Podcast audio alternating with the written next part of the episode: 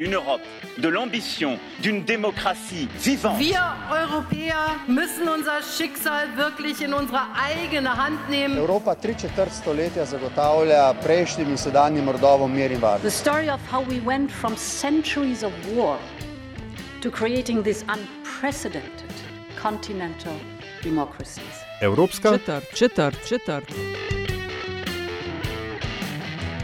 Вам говорят, что мы нацисты.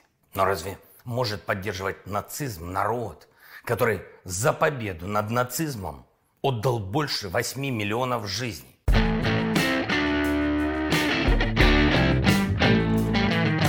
Spoštovane in cenjeni, dobrodošli v podkastu Evropska četrt, podkastu o vsem, kar vas bo zanimalo o Evropski uniji, pa niste vedeli, koga vprašati. Evropsko četrt vodiva Aljaš Pengovitenc in Nataša Briški. Podcast domuje na spletni postaji metina.si, v vašem nabiralniku pa sveža epizoda takoj, ko je na voljo.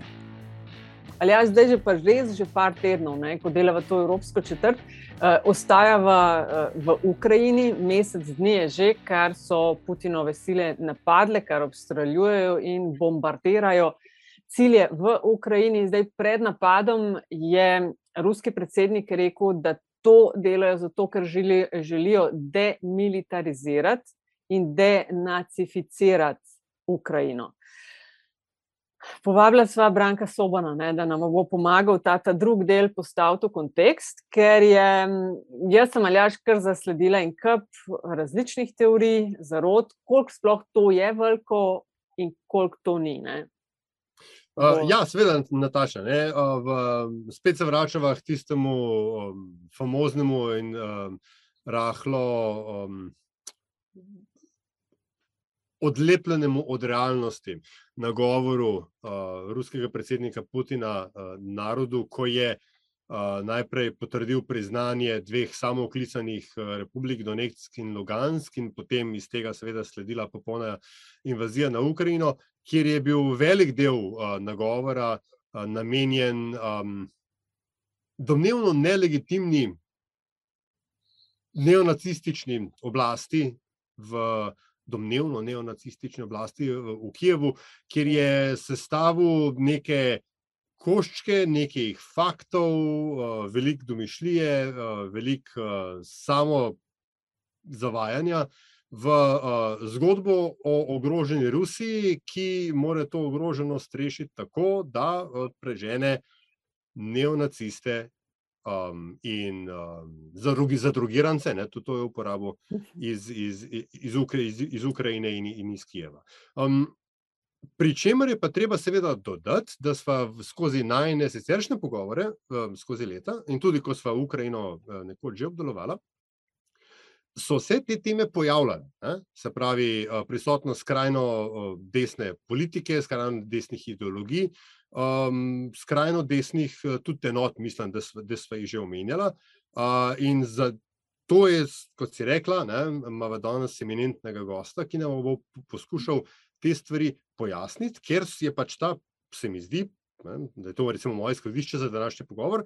Prisotnost skrajno desne ideologije ni omejena zgolj na Ukrajino ali pa na del ukrajinskega političnega spektra. Ne. Vsaj tako pomemben se mi zdi, je ta faktor tudi v, v, v Rusiji sami. Branko Soban, lep pozdrav. Branko, živijo. Branko, živijo. kako si? Ja, jaz sem super. v Sloveniji te dni potuješ, vem, da veliko potuješ. Ja, v Sloveniji smo potovali, zdaj smo malo doma, aprila gremo naprej. Branko, tega pogovora se res veseliva, ker si eden tistih, ki je dejansko delal in potoval po Rusiji in sploh v tisti regiji. Eh, zdaj pa najprej, da, da to razčistimo. Ali si še persona non grata v Rusiji? Ti si namreč v enem momentu dobil prepoved vstopa. Ne? Ja, eh, zdaj, če tole malo razložim, eh, kako je s to stvarjo. Jaz sem končal svoj prvi mandat v Moskvi leta 2001. Pol so mi pa 2005 v hiši predlagali, če bi šel spet v Moskvo, seveda to sem jaz rekel z veseljem. Ne. Rusija in vse ta bivši posovjetski prostor je prava zakladnica za novinarje. Ne? Mislim, tam je toliko zgodb, da lahko delaš 24 ur na dan, kar sicer pravi novinari tako mora. Ampak pol so se pa stvari zapletle. Ne? Pristojni organi v Moskvi mi niso hoteli dati akreditacije, in potem, seveda, nisem ostal samo brez akreditacije, ampak tudi vize nisem več dobil. Zdaj, čisto na kratko, zakaj? Med mojim prvim mandatom v Moskvi sem bil dvakrat povabljen, v narekovajih, k pristojnim službam na zunanjem ministrstvu, ki se ukvarjajo z novinarji, in seveda na mizi so imeli vse moje članke v originalu in prevedene. Jaz sem bil malo šokiran, jaz sem, jaz sem pričakoval, da bomo malo poklepetali, je bilo pa ta klepet se je pol spremenil v eno uro in pol dolgo branje možganov, mislim glave. da pač ne razumem, da ne poznam in tako naprej. In ker se nisem nič popravil, se je to vabilo pol ponovilo še enkrat. In tudi po tistem nisem nič spremenil mojega odnosa do kritičnega odnosa do ruske politike, in takrat je bila tudi zelo aktualna vojna v Čečeniji, ne, o kateri Rusi neradi slišijo. In seveda, ker se je pa bližal konec mojega mandata, ne, so pol se ta vabila nehala, ampak ko sem pa ponovno poskušal priti v Moskvo, je bila pa ta zadeva ustavljena in nisem več dobil ne samo akreditacije, ampak tudi ne več vize. In viza je bila zavrnjena večkrat, pol sem pa po enajstih letih, po enajstih letih sem pa čisto rekel: "Zdaj bomo pa poskusili." In sem turistično vizo dobil, tako da sem bil po enajstih letih prvič znova v Rusiji, ampak seveda turistična viza je zelo omejena, ne, na tistih nekaj dni, kot imaš karto, in to je to. Ampak vendarle po svoje sem bil vesel, ker sem po daljšem času spet videl Rusijo, ki sem, ki jo imam rad in jo v bistvu zelo dobro poznam. Tako kot sva omenila. Ja, izvoli, Aljaž. Je bila po enajstih letih to še ista Rusija? ne, ne, seveda, Rusija se spreminja, ne, tudi na zunaj ogromno stvari je bilo moderniziranih, popravljenih. Jaz moram reči, da sem bil najbolj prijetno presenečen nad pločniki. Ne, ko sem bil dopisnik v Moskvi, so bili pločniki katastrofa, ponoči si mogel paziti, kje hodiš. pol v tem času so pa po središču, ne, v bistvu pločniki postali normalni in varni za hojo, tako da moram reči, da poleg drugih stvari me je to v bistvu najbolj prijetno presenetilo, ne, ker zlasti pozimi, zlasti pozimi, ko je sneg, zmrzal, led, so pločniki izjemno nevarni, ne, tudi ne, ne samo zaradi, zaradi ledu, ampak neravne površine pa lukenj, ne, tako da je bilo to res en tak prijeten, prijeten, prijetna novost. Tako kot sva rekla z Aljažem, ne, iz različnih vidikov sva obdelovala že to ukrajinsko vojno, s tabo bi se pa res rada malo globlje zakopala, ker vem, da si to vprašanje tega števila in skrajnih elementov v Ukrajini tudi raziskoval. Povej, kdaj se je to začelo, zdaj, če sem jaz prav si zapomnila iz člankov, ki jih berem na temo Rusije in Ukrajine, je Putin o tem glasneje začel govoriti tam nekje dva štirinajst, ko situacija doma oziroma v Ukrajini, protesti, Janukovič, proti Janukoviču, ki je bil protežiran s strani Moskve in tako dalje, da potem in takrat s tem začel, ampak daj nas ti malo odpelje v zgodovino, kako se prijeti tega problema. zdaj ta zgodovina, ne, rusko-ukrajinskih odnosov je v resnici izjemno burna, ne, in dolga. zdaj ne vem, kje bi v bistvu začel, ne, V bistvu samo to me zanima, pravzaprav ta, ta nacistični element, kdaj je Putin s tem začel in koliko je tega? te stvari so se v resnici začele zaostrovati leta dva tisoč štirinajst, ne, z okupacijo Krima in napadom na Donbas. do tega, do, do tega, mislim, do začetka te vojne, ki traja še danes, ne, jaz večkrat pravim, da ta vojna iz leta 2014 nikoli ni bila končana, traja 8 let, kar se je zdaj zgodilo, je samo apokaliptična eskalacija vsega, vsega tistega, kar se je nakopičilo v odnosih med Moskvo in Kijevom. Ne. Zdaj, zakaj je prišlo do tiste vojne 2014? Dejstvo je, da je Putin bil v Ukrajini dvakrat poražen. Dva poraza je doživel. Najprej z oranžno revolucijo 2004 in potem z ustajo na Majdanu, ne, ki se je pa zgodila zato, ker je takratni predsednik Viktor Janukovič nenadoma obrnil hrbet Evropski uniji, na vrhu v Vilnusu ni hotel podpisati tistega pridružitvenega sporazuma, zato ker ga je Putin kakšen teden predtem povabil v Moskvo in mu v zameno za to, da tega sporazuma ne podpiše, ponudil 15 milijard dolarjev pomoči. Uh, Ukrajinci, velika večina Ukrajincev hoče v Evropo, hoče v Evropsko unijo, noče več živeti v objemu Moskve. Zato se je začel Majdan. Ne. Potem je sledil pobeg Viktorja Janukoviča v Moskvo in okupacija Krima. Uh, zdaj, od takrat se je ta retorika, od takrat se Ja. Takrat, se, od takrat se je ta retorika v odnosih med Moskvo in Kijevom v resnici izjemno zaostrila. Ni pa v bistvu nič novega. Ne.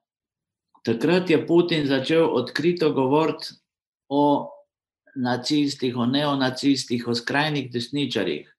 Zdaj, resnici na ljubo, takrat, ko se je začel Majdan, so res zraven prišli tudi mnogi skrajni, skrajni desni politiki. Takrat, predvsem, gibanje Svoboda in desni sektor, po rusko pravi sektor. Tile, tile so dogodke na Majdanu poskušali speljati v svoje, v svoje politične interese. Svoboda je bila na volitvah, ki so sledile Majdanu, dokaj uspešna in je, in je dobila celo tri, tri, uh, ministerska, tri ministerske sedeže v vladi, ampak so vse tri člane Svobode že po treh mesecih potem izključili iz vlade. Desni sektor je bil pa bistveno bolj razdeljen in mu nikoli ni uspelo, da bi se prebil vem, urado ali pa, ali pa kam drugam, v kakšne druge inštitucije. Njihov vodja Dmitrij Jaroš je pol na tistih predsedniških volitvah kandidiral, ampak je dobil vsega en procent. Ne, uh, zdaj tukaj, seveda, pol so se stvari razvijale.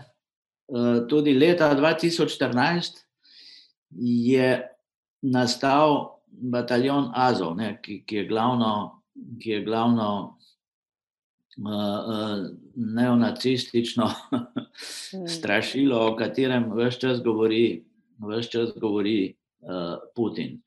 To je bil bataljon prostovoljcev, ne, za različnih vetrov, skrajnih pogledov, morda so bili tudi neonacisti vmes, ki se je šel boriti v Donbass proti ruskemu okupatorju.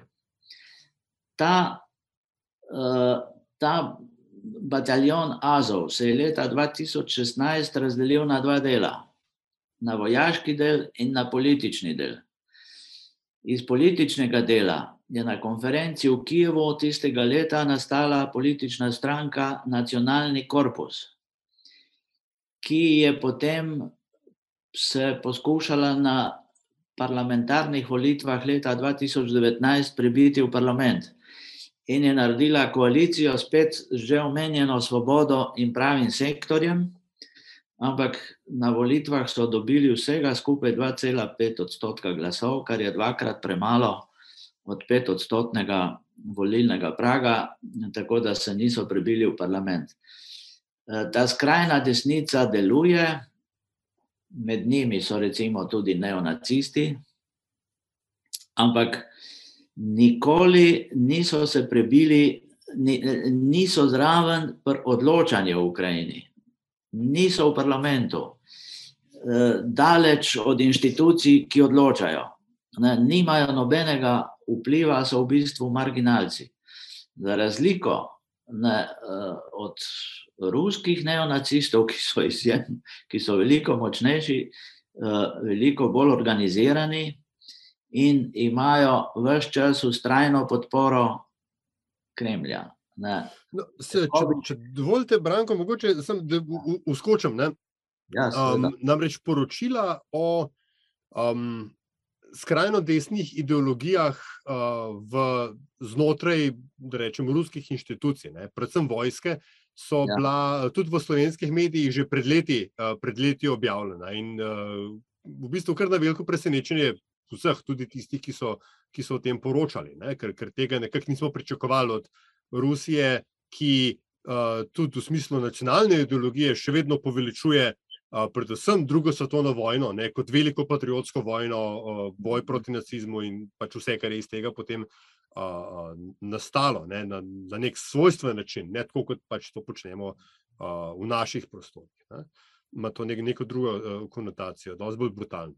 Ampak um, hkrati se je pa sploh v konfliktu z Ukrajino uh, veliko krat uh, zgodilo, ne, da je uh, režim v Moskvi in predsednik Putin osebno obtoževal Ukrajino in Zahod točno tistega, česar je bil sam nekako kriv, oziroma kar je sam počel. In, in, in se seveda zato meni pojavlja pač neko zelo tako osnovno šolsko vprašanje, kakšna, ne, to, kar se začne zdaj govoriti, kakšna je v bistvu vloga skrajno desnih etnonacionalističnih uh, ideologij in, in pripadnikov uh, v ruskih strukturah. Ravno te dni je bil, je bil recimo nek članek, sem zaznal o, o um, prestreljenosti teh ruskih plačancev v skupini Wagner z, z strani desnih uh, nacionalistov in oboroženih desnih ja, ja, skrajnežev. Ja. Zdaj, tukaj, uh, ja, zdaj, če ostanemo pri Wagnerju, to je v resnici uh, za me en, en tak vrh vrh te leden, ledene gore ruskih skrajnih neonacističnih, nacističnih organizacij. Ne, uh, ustanovil, ustano, Wagner je ustanovil Dmitrij Utkin, nekdani podpolkovnik GRU, to je Ruske vojaške obveščevalne službe, ne, ki je vas uh, poslikan uh, z nacističnimi simboli in tega sploh ne skriva. Ne. Uh, Zdaj je bilo tudi pred kratkim ena sjajna francoska dokumentarna oddaja o tem.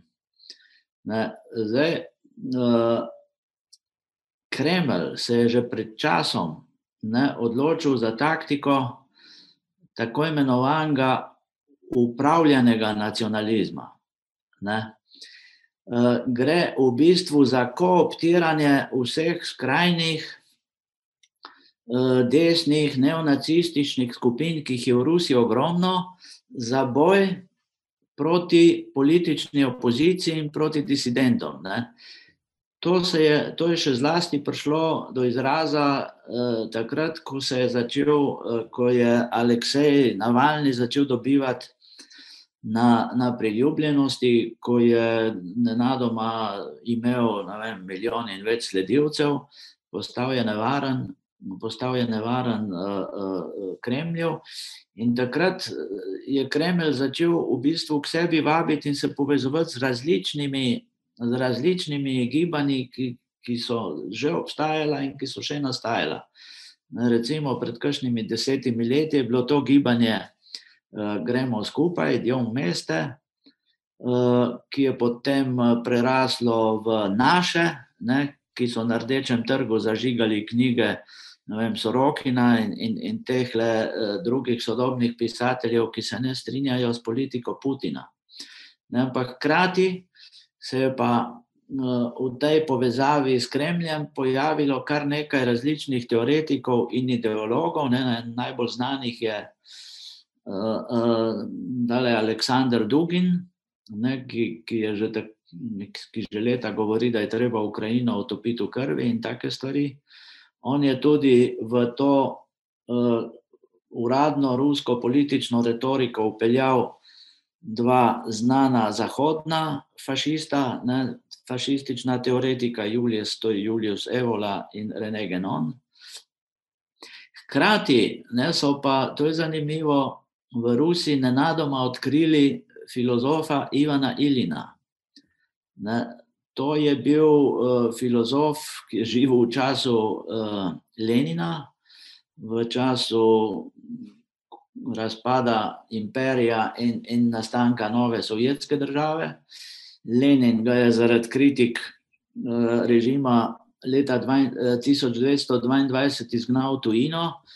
To je bil znameniti filozofski parnik, na, na katerem je morala iz Rusije oditi uh, praktično vsa inteligenca, med njimi tudi Ivan Ilin, uh, ki je najprej živel v Nemčiji, potem pa končal življenje v Švici. In uh, uh, Vladimir Putin je potem, ko je prišel na oblast, njegove posmrtne ostanke pripeljal v Moskvo. Zdaj, Ivan Ilin je bil velik zagovornik Benita Mussolinija in Adolfa Hitlerja. In je, in je ponosno govoril, da je bila Bela garda, ki se je leta 17 uh, začela boriti proti bolševikom, v bistvu nekakšna predhodnica italijanskega fašizma in nemškega nacizma. Uh, napisal je ogromno knjig, ne, uh, od Putinu, to, to je zanimivo, Putinu ga je pa odkril Nikita Mihalkov, ne, ta slavni uh, režiser iz, iz družine, uh, ne, oče Mihalkova je napisal besedila za vse sovjetske himne do zdaj, ne, za Stalinovo, pol za novejšo sovjetsko, za časa Brežnjeva in tudi zdaj za Putinovo. Ne. Sergej Mihalkov je zdaj, mislim, da bo počasi, kakšnih deset let nazaj, kar je umrl. Sinova pa še naprej dela ta filme. No, uh, Putina, najprej Mihalkova, potem pa Putina je najbolj fasciniralo. Najbolj fascinirala knjiga Ivana Ilina z naslovom Naše naloge, kjer govori, kakšen, kakšen naj bo ruski voditelj. Ne? v svojih rokah mora združevati vso oblast. Gospodar, voditelj, mora biti premijer, mora biti vrhovni sodnik, vrhovni poveljnik, vrhovni zakonodajatelj. In vse to Putin v resnici počne. In tudi Ivan Ilin o tej knjigi govori, da je demokracija, da so volitve v bistvu izgubljanje časa. Vse mora biti v rokah enega človeka, in volitve so smiselne samo v primeru, ko gre za nekakšno kimanje odločitvam, ki jih je sprejel vodja. In točno vse to počne uh, Vladimir Putin. In tukaj, to sem pa zdaj te dni napisal v tej knjigi Ivan Ilin, govori po svoje tudi o slovencih. Ne? In sicer on govori, da obstajajo plemena, dobesedno napiše plemena, ki niso sposobna imeti svoje države, in je pač njihova usoda taka, da morajo biti pod, podrejene velikim sosedom. In tukaj omenja, poleg nekaterih narodov, tudi Hrvate in Slovence. Slovenija si pod Ivanom Ilinom, po njegovem mnenju, ne zasluži svoje države in je ni sposobna v bistvu voditi. Zdaj, ampak on, seveda, Il, Ilin tukaj ne govori samo o slovencih in hrvatih, ampak je v bistvu mislil predvsem na Ukrajince, Kaukazce in, kot pravi, male azijske brate. Ti ne morejo imeti svoje države, niso sposobni imeti svoje države in morajo živeti in kimati svojim, svojemu velikemu bratu, ne, se pravi Rusiji. In zdaj Putin počne s to vojno proti Ukrajini natančno to, kar je zapisal Ivan Ilin. Um, če se malenkost še vrnem nazaj na Ukrajino, pa da to pol mal piko postavimo. Se pravi, ta skrajni element, zdaj malo sem gledala podatke, v kolikšni meri so ali pa koliko odstotkov so dobivali na volitvah, pa so tam 2014 nekih 10 odstotkov imeli in so zdaj na to, kar si rekel, 2 odstotka prišli. Skratka, ne gre za nekaj, in to so pač dejstva, preverljivo podatki, ne gre za nekaj, kar bi naraščalo, to, kar je predsednik Ruski govoril, ampak za nekaj, kar je bilo v pač upadanju. Uh, Imáš kakšne podatke o številkah tega bataljona, ki se zdaj o njem veliko govori, tudi v kontekstu napadov na Mariupol? Ja, sej, uh, ta bataljon, uh, zdaj, ko se je začela ta nova faza vojne, ki sicer traja 8 let, ne bi štel nekaj čez tisoč prostovoljcev. Ne, oni, oni so v glavnem bazirani v Mariupolu, ne, v Bazovskem morju, zato od tukaj tudi me. Leta 2014 so pomembno prispevali k obrambi Mariupola, Rusi ga takrat niso uspeli zasest. Ne. Zdaj, so, zdaj so v to vojno poslali, no, se, že sama ta primerjava. Ne. Vsa Rusija govori o Azovu, to je tisoč ljudi, ne, more biti kakšnih sto več. Eh, in proti temu Azovu, ne, ki naj bi bil jedro neonacizma v Ukrajini, je krenilo 200 tisoč ruskih vojakov, ne, 200 tisoč proti tisoč. No, in, in zdaj mislim, da glih včeraj sem bral ruske vire, da je ta bataljon v Mariupolu razbit, da je bilo ubitih najmanj 96 njihovih, njihovih uh, mož, njihovih vojakov preostali, preostali pa da so se razbežali, ne, tudi preoblečeni v civile in da so zbežali iz Mariupola. Zdaj, teh informacij seveda ni mogoče preveriti. Uh, in tudi, tudi današnja usoda tega bataljona ni znana, ampak uh, bi bilo kar za pričakovati, da v teh, ko gledamo te strašne posnetke iz Mariupola, ko je mesto v bistvu zravnano zemljo, ne, tam se dogaja pravi urbicid, ne, uničenje mesta, da je tudi težko verjeti, da bi, da bi bataljon Azov celoti preživel. Ne. Ampak koliko je v resnici mrtvih in, in zdaj, kje je zdaj ta bataljon in kaj počne, bomo verjetno uh, zvedeli šele, mislim, čez kakšen teden, ne, mesec. Za zdaj ne bi bilo po ruskih podatkih v bataljonu Azov 96 mrtvih, drugi pa da so se razbežali. Um, se pravi, v resnici, ne, če prav razumem ta naš pogovor, in počasi se bo treba vendarle premikati proti prot zaključku, um, gre tukaj za uh, zelo velik projekt, projekcije. Mi, mi imamo na eni strani imamo Ukrajino, ki ima, da rečem, nek svoj skrajno desni uh, poli, moment v političnem sektorju, v končni fazi. Uh, pred vojno je bil ta, ta moment verjetno na, na ravni neke poprečne evropske države. Uh, in pa na drugi strani uh, Rusijo, kjer je skrajno desna ideologija ta hip inkorporirana uh, v samo bistvo, uh, samo bistvo oblasti. Kako je možno, da se te dve različni izhodiščni uh, poziciji, ne? in seveda obvezni predodatek, Zelenski je predsednik židovske veroizpovedi, mm. katere, katerega um, sorodniki so, so jih nacisti, uh, katerega sorodnike so nacisti uh, pobijali med drugo svetovno, svetovno vojno in tako dalje. Um, kako je možno, da te dve tako zelo različni izhodišči postane ta um, ekvivalenta v, v, v javni razpravi? Ja, se ne, že, že to samo govorjenje o denacifikaciji Ukrajine je seveda nonsens brez primere. Ne, Ukrajina je med drugo svetovno vojno utrpela strahotne izgube. Ukrajina je bila prva na udarcu, ko so Nemci začeli 22. junija 1941 prodirati proti Moskvi. Ne. Najprej je padel Kijev, ne, zato tukaj so bile zanimive paralele. Ne. To je znameniti stavki Sovjetske zveze. Zjutraj ob štirih je bil bombardiran Kijev zdaj se je zgodba ponovila, ampak tokrat niso bili Nemci, ne. je bil drug sovražnik. Uh, zdaj, ti le podatki uh, so različni, ampak po nekaterih ocenah, ne, ker je Ukrajina prva prestregla ta nemški udarc, je bilo v drugi svetovni vojni mrtvih sedem milijonov Ukrajincev. To je katastrofalna številka. Predtem, v 30 letih, uh, Stalinov, Stalinov genocid, ne, golodomor, uh, to, ta prisilna kolektivizacija, prisilna, umetno povzročena lakota, ki je terjala ogromno žrtev. Uh, številke so spet zelo različne, zdaj zgodovinari nekako govorijo o 4 milijonih žrtev tega golodomora, po ukrajinsko holodomora, ne? Ukrajinci nimajo črke G, kot mi primorci.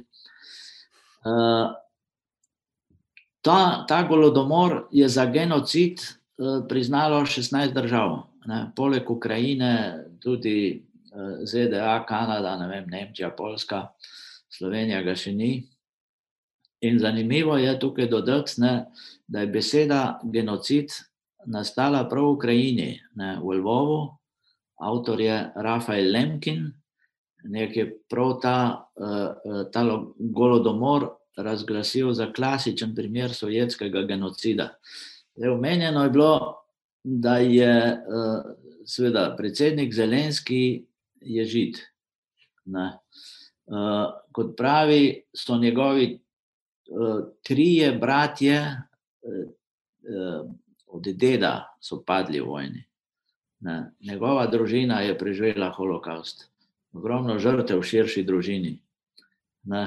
Na ključje ali pa ne, je hotelo, da je prav na začetku vojne bil poškodovan, ne, ko so Rusi obstreljevali televizijski stolp v Kijevu. Uh, je bil poškodovan tudi memorialni center Babinjar, ki, leži, ki je čez raven tega stolpa, kjer so Nemci uh, leta 1941, v dveh dneh, pobili 33 tisoč židov. Ne, in, in potem govoriti uh, državi, ki je toliko pretrpela med drugo svetovno vojno in pred njo, da je to dežela nedrogiranih uh, neonacistov, je v bistvu uh, popolnoma, popolnoma deplasirano. Ne. Tukaj gre v bistvu za. za strahotno propagandno in informacijsko vojno, ki ne izbira sredstev, ne, ki ne izbira sredstev, ki poskuša nasprotnika prikazati v najslabši možni luči, ne mu naprtiti grehe, tudi svoje. Ne, in je tukaj, zdaj v resnici, prihajamo do paradoksa. Uh, ogromno člankov se je pojavilo in novic, ne, in, in razprav, kar je seveda pravilno, logično, govoriti je treba o vsem, o teh ukrajinskih neonacistih. Ampak ta, ta hip se dogaja katastrofalna vojna, kjer se uničujejo šole, bolnice, vrtci, eh, cela mesta, dogajajo se strahotni zločini. Vojska z 200 tisoč možmi je udarila na državo, ker zdaj. Eh, ponavljam, je prav, da se vse razišče in da se vse pove, ampak iščemo nekaj. Poskušamo na tehtancu dajati stvari, ki zares niso ja. primerljive in prikazovati, kot da gre za vem, eno in isto. Ne, Branko, ker jaz, imamo. Ja. Ne, sam hočem reči točno to, kar si rekla.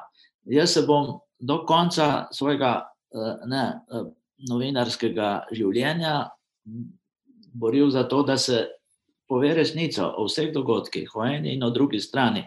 Ampak, kot smo rekli, to da na tehnico, to uničujočo vojno na ti, deset milijonov beguncev in tam par tisoč radikalnih posameznikov, je res uh, malo nenavadno. Branko, eh, najlepša ti hvala za, za ta pogovor. Še veliko je tem, ki bi jih rada raziskala in jih bova tudi zalažem v naslednjih dneh, tednih in mesecih. Um, ti vem, da veliko hodiš v svet Evrope, zdaj moramo zaključiti, ampak planiraš v kratkem kakšne obiske. Rusija je bila uradno izključena od tam. Ja, to je bila. To, uh, zdaj sem bil en dan v Strasburgu. Zasedanje je sicer trajalo dva dni, ampak pač je treba tudi racionalno ravnati s časom. To je bil velik dogodek.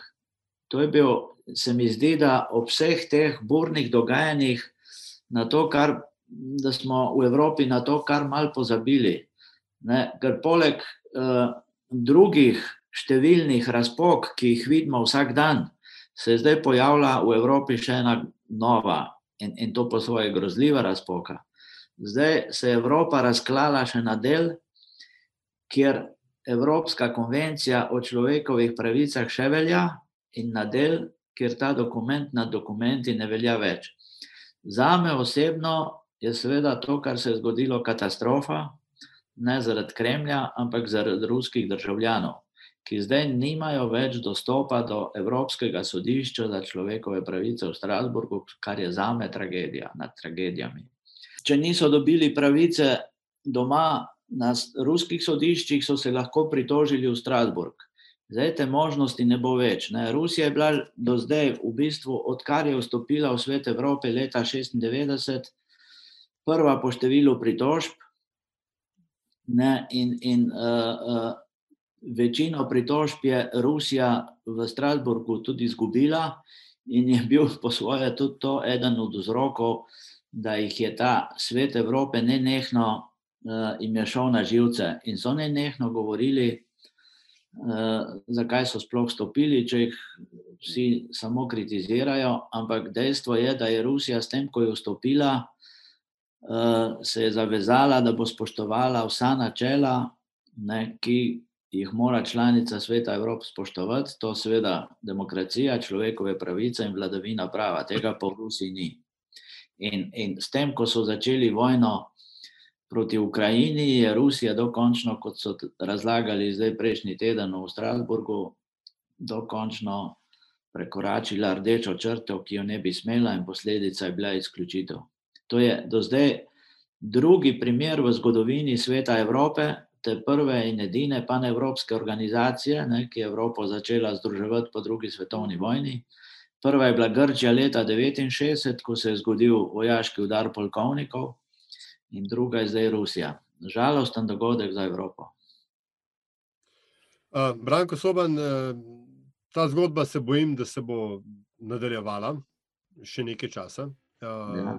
Kar pomeni, da bomo imeli tudi mi še kakšen uh, neprijeten razlog, da se pogovarjamo. Upam pa tudi, da bomo imeli kdaj še kakšen prijetnejši razlog. Ja, upamo, z veseljem. Evo. Ampak eh, za enkrat najlepša hvala, uh, da ste nam pomagali osvetliti tudi ta vidik uh, ruske agresije na Ukrajino.